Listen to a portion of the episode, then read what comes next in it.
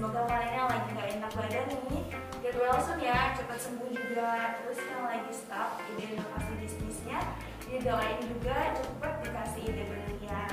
Yang lagi kena apes nih gara-gara nilai jual saham yang tiba-tiba merah, chill aja nggak usah emosi.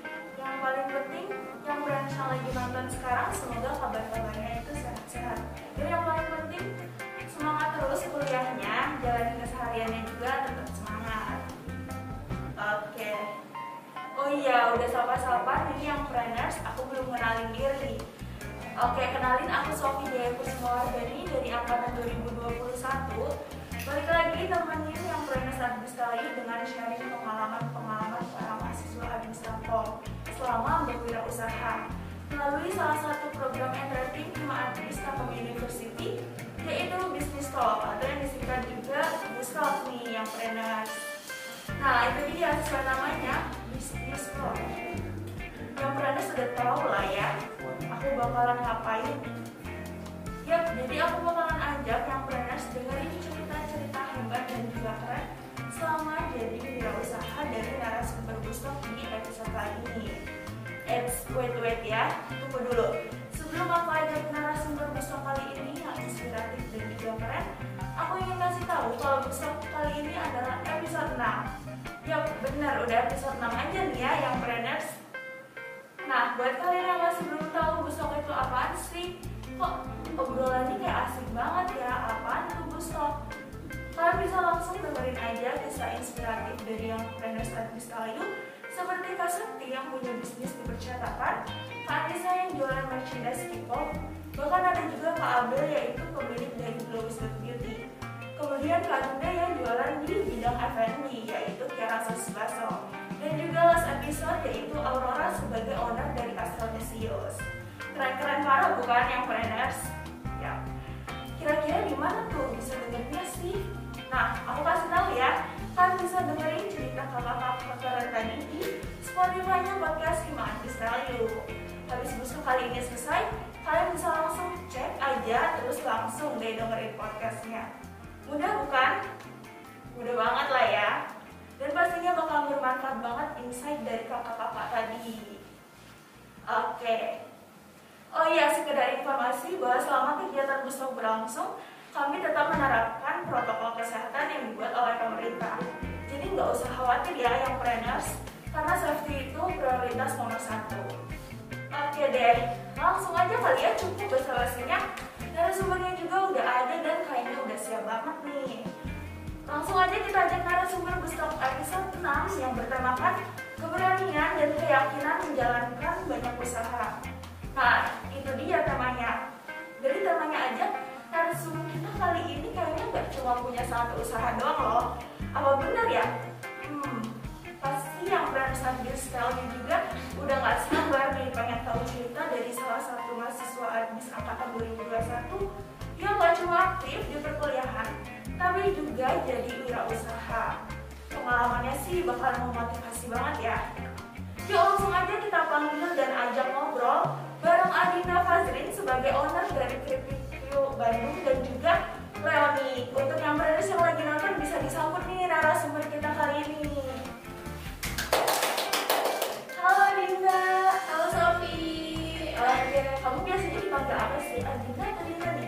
Dinda sih, umumnya aku panggil Dinda. Oke. Kalau boleh tahu nih domisili kamu tuh di mana sih? Aku- ada kenalan juga. Oke, aku asli Bandung. Eh, aku sapa dulu ya sebelumnya ya. Halo yang planners, kenalin nama aku Dinda Fazli. Di sini aku asal dari Bandung. Aku asli banget Bojong Soang. Jadi ke kelas nyampe lah ya kampus. Seriusan di Bojong Soang iya, yang rumahnya di Bojong Soang boleh banget kontak ataupun mau ketemu. Boleh banget ketemuan di depan rumah Bojong Soang di GBA. Bisa. Boleh kali ya, kapan-kapan kita nangkring gitu ya. Ya, boleh banget nih di beneran Telkom lah ya. Oke deh. Tuh kan sampai kelupaan greeting orang tadi udah ya. Udah greeting Dinda, tapi masih belum nanya kabar Dinda nih. Gimana nih kabarnya Dinda? Alhamdulillah sehat, tapi Bandung lagi dingin lah ya. Iya, Soalnya subuhnya dingin banget. Oke deh. Sehat-sehat terus ya Dinda, soalnya lagi hujan juga ya, musim hujan. Terus deket uas juga kan ya. Sekali. Bisa dijaga terus ya, sehat-sehat. dan juga yang beredar dijaga tuh kesehatannya oke uh, jadi sebelumnya uh, kesibukan kita tuh apa ya Oke, kesibukan aku sih baik sekarang eh, karena udah mendapat uas ya kita kuliah, belajar, jangan lupa juga cuan ya kita berbisnis gak sih? Paling iya, paling kuliah, bisnis, antar orang tua kerja itu aja sih kesibukannya nggak ada yang lebih intensif lagi. Oke deh, kayaknya aku juga udah panas nih, udah ngomong panjang lebar, nih kedunianya juga udah kelihatan siap banget nih aku tanya-tanyain. Oke langsung aja kali ya ke ini pertanyaan yang pertama. Eh, untuk bisnis yang keripik Q atau keripik kue? Sih Lebih- Dia bisa keripik Q, bisa keripik ku, alay-alay dikit lah gitu ya. Nah, Dinda boleh nih dikenalin nih keripik Q Bandung itu apa sih? Mungkin dari background tahunnya atau apa Oke, makasih banget ya Sofi, aku izin menjawab.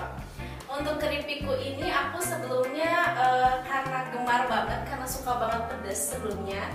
Eh sebelumnya ini tuh keripik, eh, ini tuh bisnis aku berdua sama kakak sepupu. Awalnya tuh emang eh, harusnya diawali dari hobi lah ya, kalau misalkan makan pedas itu dari kegemaran, dari kesukaan makan keripik. Nah setelah itu, eh, setelah aku beli keripik di sana di sini keripik singkong tuh ada yang keras ada yang pedesnya eh, dia asinnya kurang. Nah itu kita tuh ngeliat dari situ kayaknya ini buat sakit gigi atau kayak gimana ya buat sakit perut. Nah dari situ dari masalah-masalah yang aku lihat ya dari eh, hasil aku beli tuh kayaknya kita perlu deh keripik singkong yang tipis tapi rasanya antara pedes dan gurih itu pas. Nah dari situ karena kesukaannya makan eh, keripik pedas akhirnya kita eh, membuat inovasi untuk oke lah kayaknya kita buat keripik deh tapi yang tipis jangan terlalu tebal juga nanti kan sakit gigi jadi nggak enak juga nggak nyaman ya makannya gitu nah iya betul banget kayak tadi kan manca Iya, dia kan nyangkut gitu ya buat sakit gigi. Nah, udah gitu akhirnya kita diskusi, kayak kita bikin aja deh. Akhirnya kita buat dengan keripik singkong yang tipis, beda dari yang lain. Mungkin itu keunggulan dari keripik eh, yang kita buat. Jadi untuk sampai saat ini hadirlah keripikku ini dengan ketipisan singkong yang sampai saat ini orang-orang bilangnya enak karena tipis. Enggak, kalau misalnya rasa mungkin umum ya. Karena eh, asin pedas itu ya pada umumnya sama aja kayak gitu. Mungkin ada yang chili oilnya ataupun dari minyaknya terlalu banyak ataupun asinnya terlalu banyak mungkin itu selera masing-masing ya tapi untuk ketipisan itu kita masih unggul sih Sofi gitu paling cerita singkatnya Oke, enak ya itu keripik pedas kalau orang Bandung tuh biasanya kalau nggak makan nasi, kalau makan nasi nggak pakai pedas-pedas tuh kurang gitu kayak bukan makan. betul nasi anget aja pakai keripik udah kenyang ya Oke, dan next ya. Untuk varian rasanya sendiri itu keripik itu masih pedas doang atau udah ada rasa berbeda mungkin yang lain-lainnya? Oke, keripikku ini eh, belum mencapai 2 tahun berdiri lah ya, masih setahun setengah. Dan sampai saat ini kita masih menghadirkan satu varian, yaitu asin pedas aja. Sebenarnya bisa aja sih eh, variannya tuh eh, nggak pedas, jadi sebelum kita bumbuin itu masih bisa dijual ya. Tapi untuk sampai saat ini kita masih menjualnya yang asin pedas sih belum ada varian lainnya, tapi insya Allah bakal eh, launching lah, bakal ada untuk varian lainnya doain aja ya yang planners. Mungkin bisa dijadiin inovasi tuh ya, Nah. variasinya lebih di ini diperbanyak. Iya. Ya, Iya. lainnya. Oke deh, kalau yang satunya lagi nih Dinda leonik ya, itu tuh apa sih? Hmm. Oke, pasti eh, orang-orang tuh berpikir kalau lele itu jorok nggak sih? Jorok. Ya kan? Eh, ikan yang pemakan segala, dia segala macam dimakan, dilangkap lah ya dia ya. Nah, untuk leonik ini di sini aku menjual ini sebenarnya bisnis keluarga. Awalnya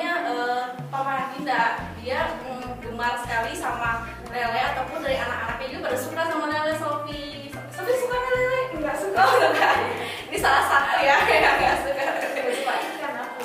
Oke, ya ikan. Nah, kita tuh pengen merubah image. Nah, asalnya lele itu makanan jorok, makanan yang eh, apa sih? eh, makanannya tuh lele tuh segari makan gitu ini itu inilah pandangan orang-orangnya kayak gitu. Tapi di sini aku pengen merubah image itu di masyarakat. Jadi aku tuh sebenarnya udah eh, nanam bibit itu dari nggak dari kecil banget nggak dari bayi sih dari yang udah segede gini lah ya sepanjang ini lelenya itu tuh kita uh, tanam di pinggir rumah kebetulan ada lahan di uh, samping rumah untuk kita bisa jadikan uh, tempat tanam uh, lele. Nah di sana kita beli terus begitu kita kasih makan dengan pelet, enggak yang aneh-aneh. Iya jadi pelet.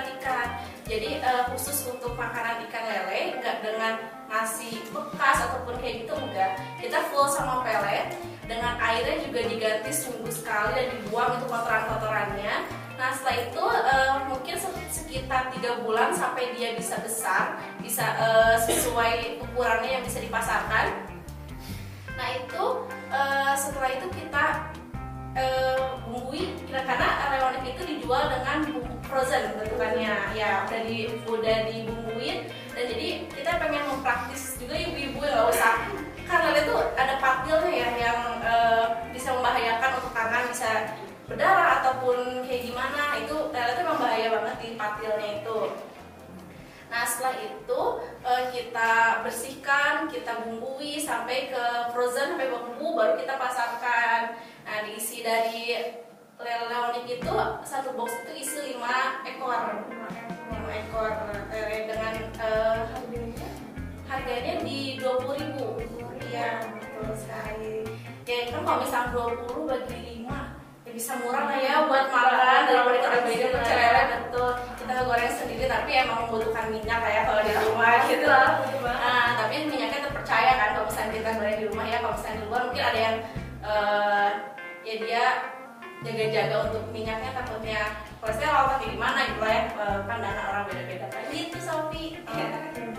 Jadi kan berarti suplai lelenya itu dari kolam ya dari kolam dari uh, sebelah rumahnya Dinda? Ya tapi kalau misalnya untuk bibitnya kita beli nggak nggak uh, dari proses perindukan sampai keluar tuh enggak tapi kita belinya udah lahir udah sedang lah ukurannya nggak dari uh, tanam banget dari uh, perkawinannya nggak nggak nggak dari kayak gitu itu kolomnya gede banget gitu ya lele itu sebenarnya kan gede gitu ya bisa tapi di, di, dibilang gede juga enggak tapi sampai sini masih ada tiga kolam lele di sebelah rumah itu Oke deh, aku penasaran nih, keripik Bandung sama lemonade ini dikelola sama siapa sih kalau boleh tahu Dinda?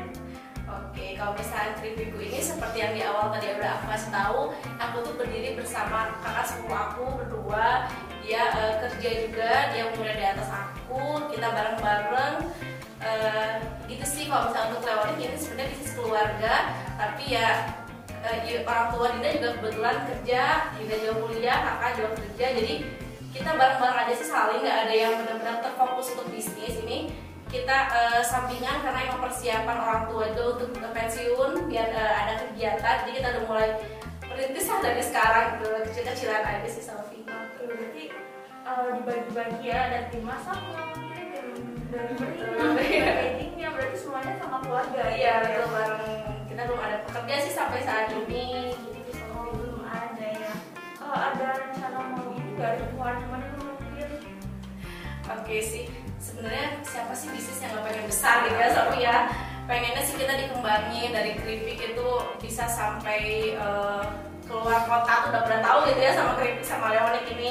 Tapi untuk leonik kan kita riskan di pengirimannya karena harus frozen. Kalau keripik juga sebenarnya riskan di takut dia uh, remuk ataupun kayak gimana ya kalau dikirim tuh. Jadi kita masih uh, ada sih beberapa orang yang emang dikirimkan kita pakai packaging bubble wrap dan lain-lain.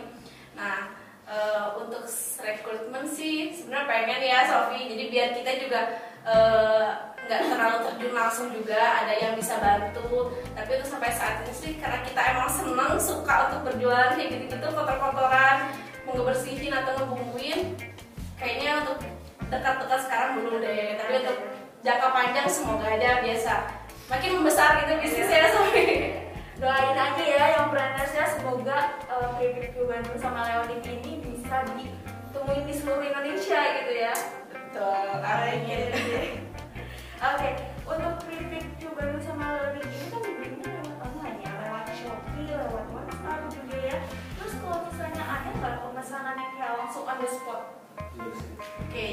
untuk keripik tuh kita masih di rumah ya, tapi belum ada tokonya. Jadi untuk sampai saat ini masih lewat Shopee, lewat uh, Instagram, lewat WhatsApp itu uh, yang kita pakai sekarang. itu kalau misalnya untuk Leonik boleh mau main mau botram kita makan ngelibet di sana di rumah boleh datang aja kontak aja ke aku.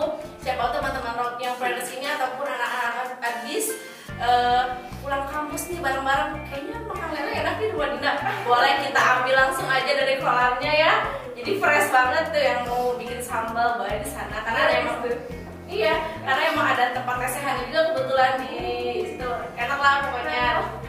Mampir lah mampir nanti ya. Kali-kali ya. Oke dan ini next question ini Dinda. Uh, yang uh, yang aku lihat tuh unik sih ini uh, ada apa namanya punya slogan ya? Pintu bareng sama learning ini kurus atau gemuk adalah pilihan tapi makanan enak bergizi adalah kebutuhan ya ini apa maksudnya itu slogannya ya? Iya gimana ya?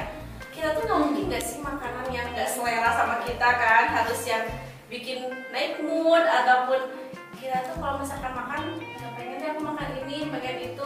Jadi harus yang uh, sesuai dengan kemauan kita. Makanya makanan apa tadi slogannya aku jadi lupa ya? Oke. Yang terakhir apa sih ya kan? Harus enak harus bergizi itu kebutuhan banget untuk perut nggak sih Sophie berarti perlu yang ingin diberiin ya Nah, iya. kasih ke konsumen. Oke deh aku penasaran juga nih. Eh, kan dari testimoni testimoni itu banyaknya public figure gitu ya. Kayak banyak banget itu testimoninya dari yang verified account. Itu emang strateginya gitu? Oke, nah sebenarnya aku juga mau bagi tips ya buat eh, teman-teman yang planners. Kalau misalkan endorse itu sesungguhnya bagi aku tuh penting karena eh, di mana mereka tuh orang-orang yang memiliki followers yang udah eh, banyak, itu pun mereka bisa eh, mempromosikan ataupun kepada fans-fansnya eh, bisa eh, racun lah ya kalau misalkan bahasa bahasanya saat ini mah bisa ngeracun gitu fans-fansnya. Nah untuk itu tapi endorse tuh ada yang berbayar ada yang enggak nah alhamdulillahnya untuk keripikku ini tuh kita nggak pernah berbayar. Nah iya betul. Eh, yang kita endorse tuh kadang-kadang mereka cuma pengen keripiknya gratis. Nah jadi dia dari kitanya juga nggak terlalu membebani karena ya udah oke nggak apa-apa. Dan feedbacknya dari pembeli tuh alhamdulillah banyak banget. Kita rasain banget dari Shopee, dari Instagram, dari luar kota pun ada aja yang nanyain kayak kalau misalnya kita belum open PO atau kita ada nggak ada nggak gitu. Masih kayak "Ih, jadi seneng gitu. Tapi tipsnya di sini untuk kita memilih endorse itu jangan termakan dia eh, banyak nih followersnya. Dia bintang nih untuk nge-endorse. Tapi dia orangnya mahal. Kayak misalkan 5 juta lah ya sampai eh, 5 juta ke atas. Itu tuh nggak akan menjamin feedback ke kitanya tuh banyak sebenarnya. Nah jadi kita harusnya pintar-pintar aja sih untuk memilih endorse. Jangan terlalu termakan dia terkenal udah pasti feedbacknya banyak ke kita. Nah itu salah banget persepsi yang salah. Jadi eh, harus menggunakan strategi yang tepat juga untuk eh, memilih endorse sebetulnya. Jadi jangan terlalu termakan dia dia terkenal ataupun tidak tapi lihat dulu feedback dari teman-teman ataupun sharing teman-teman semua yang punya bisnis di sini. Bisa sharing ke temannya apa pernah endorse orang ini atau enggak itu sharing aja sih sebenarnya lebih ke cerita gimana apa kalau misalnya emang ada pernah "Eh, jangan deh feedbacknya kurang baik ataupun gagal atau kayak gimana lebih baik kita perbaiki dari internalnya gitu seperti itu. Next question ya Dinda Eh, Selama Dinda jalanin dua bisnis nih ya Gak cuma satu nih Tantangan terbesar yang pernah Dinda alami nih Apa? Oke, paling tantangan sih bisnis itu benar-benar mengajarkan kita untuk jangan pernah mager. Ya itu banget. Itu eh, patokan hidup aku sih selama ini selama aku punya bisnis ya. Karena kalau kita udah punya bisnis, nggak boleh mager tuh dilarang, sangat dilarang. Kenapa nggak boleh mager? Karena gini, kita tuh kalau bisnis harus punya inovasi, harus punya ide, harus punya konten. Itu tuh kita harus lakuin loh, nggak boleh kita punya iya betul nggak boleh kita punya bisnis tuh eh, udah aja punya bisnis dia berdiri sendiri jualan udah nggak bisa gitu. Kita tuh harus upload harus upgrade eh, packagingnya harus stikernya harus gitu gitu gitu gitu gitu. Itu kan nggak perlu kita diam bisa langsung jadi kan nggak mungkin Sofi ya kita harus dari diri kita sendiri baik aku dan sendiri belum punya eh, karyawan ataupun belum ada yang bantu ya. Jadi harus kita yang bergerak sendiri. Nah hambatan dari aku sih paling eh, untuk kita berinovasi untuk berkreativitas itu emang benar-benar harus penting difokuskan. Karena gak mungkin juga konten minggu ini sama dengan konten minggu depan. Nah, pengennya kan kita sebagai konsumen pengen ada yang oh si ini uh, misalkan beli nih ataupun ini keripik lagi banyak ya orderannya ataupun ini kan orang-orang kayak tertarik ya atau kayak ih kayak suka deh kayaknya coba-coba deh beli beli beli. Nah itu sih uh, brainstorming ketertarikan uh, ke hambatannya ya tadi ya hambatan yang menjalin dua bisnis itu kayak uh, masih mentok di IG eh di ide masih mentok di ide terus di apa ya itu sih maksudnya nggak uh, boleh lagi malesnya itu kalau misalnya ada malesnya udah ada. Uh, masih ketinggalan gitu ya. Nah, betul banget. Cuma dia doang yang jualan ini ya. Sama hmm, jangan jangan malas aja sih Sofi jadi harus kita rajin terus upgrade konten-konten juga rajin itu penting nah, banget ya. udah mager ya teman-teman. Oke deh lanjut nih keputusan apa nih Dinda lebih milih buat jualan makanan aja dibanding fashion skincare yang lagi tren-tren gitu? Oke sebenarnya jujur ya Dinda tuh dari SD emang udah suka berdagang. SD tuh kalian tahu gak sih jual harvest yang Dinda? Oh tahu banget. Nah itu aku udah sampai jualannya sampai 500 ribu yang ada fotonya tuh bisa mahal kan ya seribu. Itu dari uh, jualan jepit jepit kayak gitu gitu dari SD bahkan aku kayak suka aja nggak tahu berdagang tuh suka. Terus SMP uh, sempat vakum dulu karena uh, kita ini ya remaja masih suka sharing-sharing gitu. Nah SMA ada bisnis uh, sate taichan gitu tapi sayangnya sampai saat ini uh, berhenti sampai situ aja belum belum aku update lagi nah sampai saat ini. Alhamdulillah dua sih bertahan uh, tempat ini ya. Keren banget ya ternyata Dinda tuh nggak nggak dari ini loh bukan dari sekarang sekarang ini jadi entrepreneurshipnya ya. Dari SD duit gitu loh gimana ya, jualnya gitu ya oke deh keren keren keren uh, lanjut nih Dinda pengalaman Dinda nih dari mulai bikin plan terus ke actionnya uh, ada poin yang paling kena nggak di Dinda apa gitu mungkin. Poin untuk apa nih yang bisa diambil sebagai pelajaran uh, ya, pelajarannya kita tuh dari bisnis sejujurnya banyak kenal orang. Apalagi dengan jurusan aku sekarang administrasi bisnis ini aku uh, senang sih apalagi bisa uh, aku gabung di Hima Bis juga uh, periode ini. Bisa punya teman bisa senang sih uh, kayak teman-teman juga ngasih feedback yang baik dari kakak tingkat ataupun dari teman-teman juga pada uh, ayo din semangat ataupun mereka tuh pada beli juga. Nah itu poin-poin uh, yang ngena banget buat aku sih. Dari bisnis kita banyak relasi itu aja sih. Kalau bisa berarti ini ya rumah apa networkingnya jadi luar ya gitu ya. Oke deh. Kalau dari dia sendiri mungkin ada yang planners yang ini apa namanya uh, biar tetap semangat jaga ini mempertahankan usahanya gimana bisa? Oke, paling ya. untuk teman-teman semua yang mau memulai bisnis ataupun yang udah memiliki bisnis tapi dia mangkrak ataupun dia stuck di situ-situ aja, aku harap sih uh, semangat karena emang uh, sejujurnya dari diri aku sendiri aku tuh punya prinsip hidup yang aku tuh sebenarnya nggak pengen pengen aku yang membuka lapangan kerja. Nah itu aku makanya aku pengen berbisnis. Dari sekarang aku pengen um, gimana ya udah memulai benih-benih lah ya udah mulai sedikit-sedikit untuk masa depan ataupun untuk setelah lulus nanti kuliah.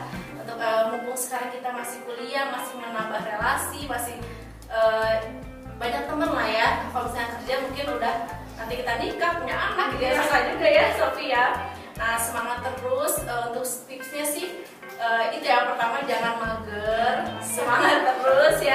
terus kalau misalkan kalian itu memulai bisnis jangan terlalu menggebu-gebu untuk membuat konten ini itu ini itu. Karena ketika kalian udah nemu titik malesnya itu pun gak akan dikerjain semuanya. Dari konten itu tuh nggak akan dikerjain aku yakin. Jadi kalau misalkan memulai bisnis jangan terlalu menggebu-gebu untuk kayak bikin TikTok, bikin ini, ini, ini, ini, boleh kita punya uh, ekspektasi ataupun kita punya pandangan yang jauh lebih jauh. Itu sangat boleh.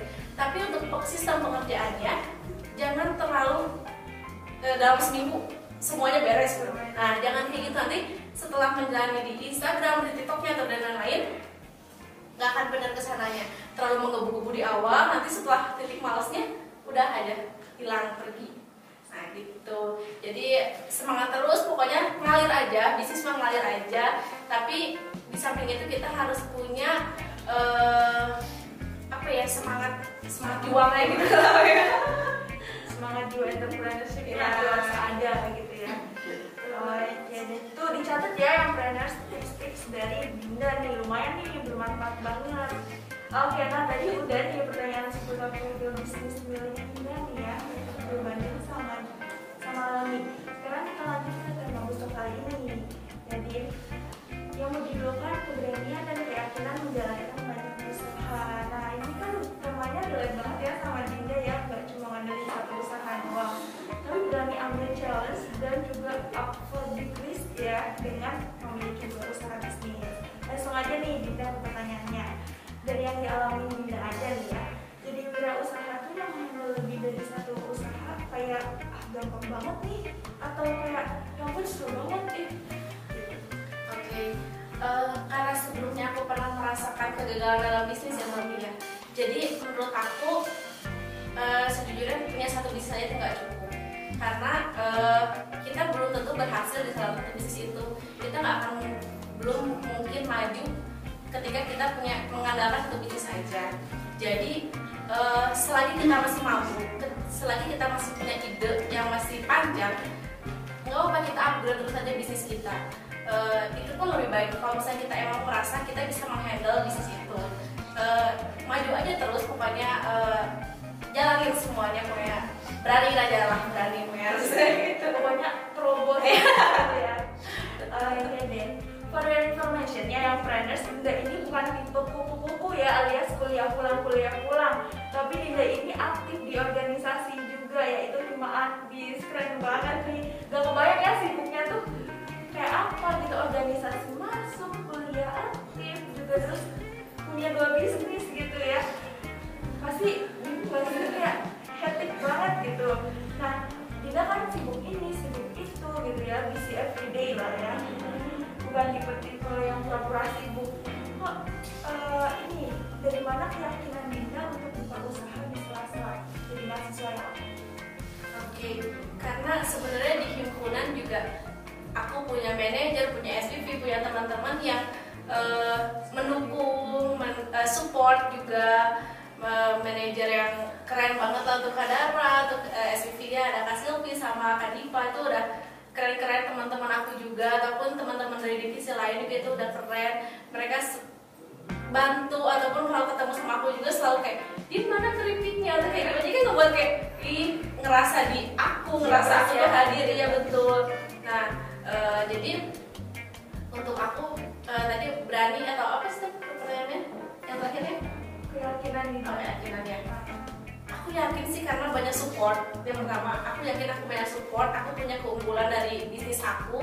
Itu harus yakin. Kita harus eh, apa ya kalau misalkan punya bisnis tuh harus pede. Kita punya bisnis ini ya kita pede aja orang kita yang bangun gitu orang yang kita yang eh, eh, apa ya buang keringat ataupun kayak gimana kita harus pede aja. Kita harus mengumpulkan kalau misalkan produknya tuh paling bagus pokoknya gitu jadi harus upgrade gitu lah yakin. Pede jangan minder ya. Iya. Malah harusnya bapak gitu punya bisnis dua nih.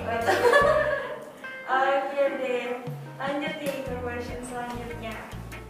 Kan eh, Dinda tuh sibuk ini sibuk itu ya. Terus waktu mainnya juga tetap ini ya tetap dijalanin gitu. Oke jadi eh, dilihat dari cara Dinda manage waktunya tuh eh, plus minus selama Dinda jalanin dua bisnis ada contohnya dari mainnya tuh kayak gimana? Membagi waktu? Dari ini kan Dinda tuh sibuk ini ya terus uh, plus minus dari dua bisnis juga gitu. Oke, plusnya ada cuan lah ya. Dari sini dari sini ada cuan. Minusnya kita harus pintar-pintar bagi waktu sih. Terutama itu bagi waktu. Jangan merasa ketika kita eh, lagi sibuk di hima kita lupa sama bisnis. Nah itu jangan kayak gitu kayak manage waktunya uh, ngatur waktunya itu harus pinter tapi jangan juga kita merasa terbebani. Misalnya contoh iya aku lagi himpan nih lagi proker lagi lagi ini bisnis ada yang pesen nanti nanti aja lah itu jangan nanti nanti jalan aja. Kita respon dulu tenangin dulu kalau misalnya emang lagi merasa capek atau kayak gimana jalanin dulu aja.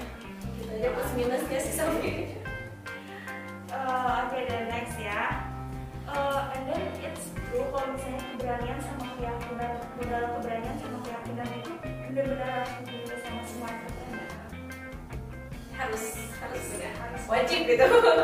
Biar usahanya juga survive gitu ya. Sepede okay, deh. Uh, menurut Dinda ini tadi uh, kalau handle dua bisnis itu agak agak rempong ya?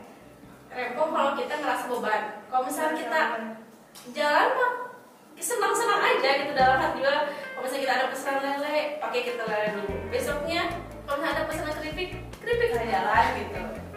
Oke tadi juga bilang kan jadi usaha tuh uh, rempong ya agak rempong gitu ya pernah nggak Dinda kayak momen nggak kuat nggak kuat handle usahanya belakangan ini belakangan ini mungkin ada kemarin-kemarin aku sempat lagi uh, juga mungkin waktu itu lagi ada orderan ataupun keripiknya habis itu emang bener-bener kita harus uh, jaga jaga kondisi. Namun kan uh, karena akunya pribadi lagi kurang fit jadi ada orderan ataupun dari kegiatan lainnya juga lagi ada perlu ke, diri sendiri.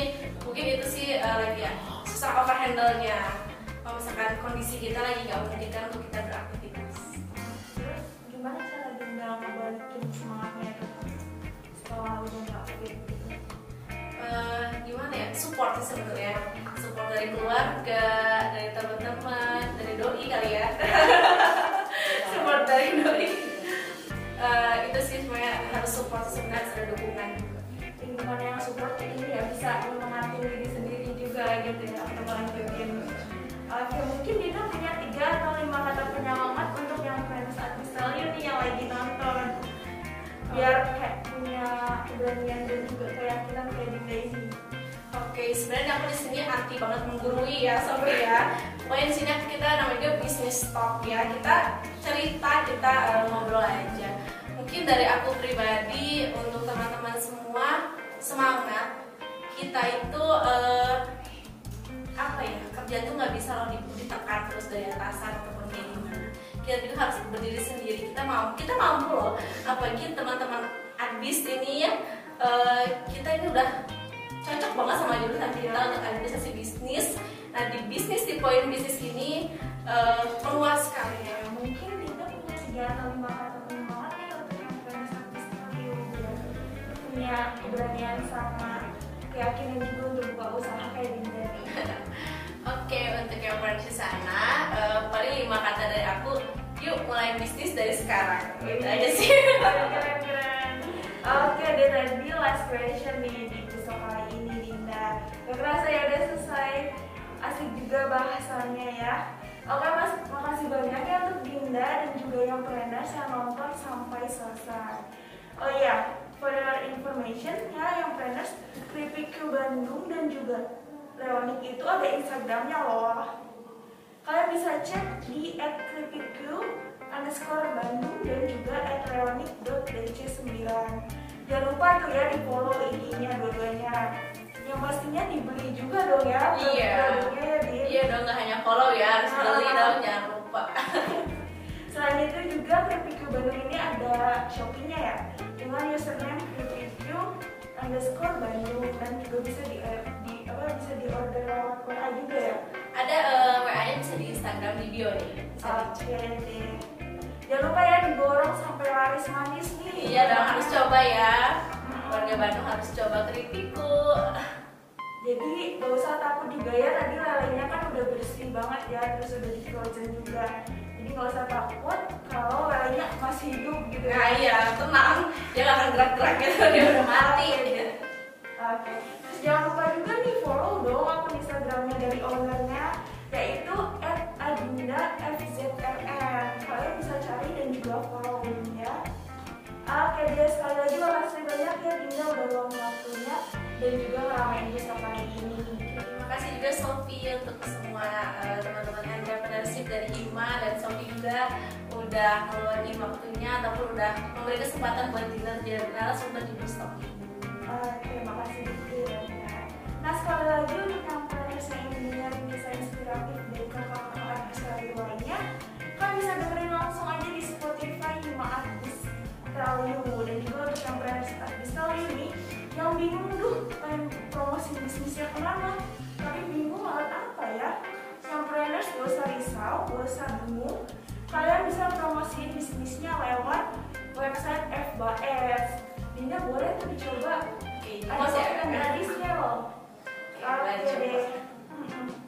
kalian bisa langsung cek di www.fbs.com oke deh last, last session untuk penutupnya nih aku punya pantun Wis, apa nih? Dengerin ya boleh kali ya yang trainer artis kali yang lagi nonton bisa dijawab cakep gitu ya Dinda juga boleh ikutan Oke, siap. Oke deh, dengerin ya. Nih. Pohon kaktus banyak durinya. Tangan bermain, kaki melangkah. Banyak handle usaha, emanglah susah.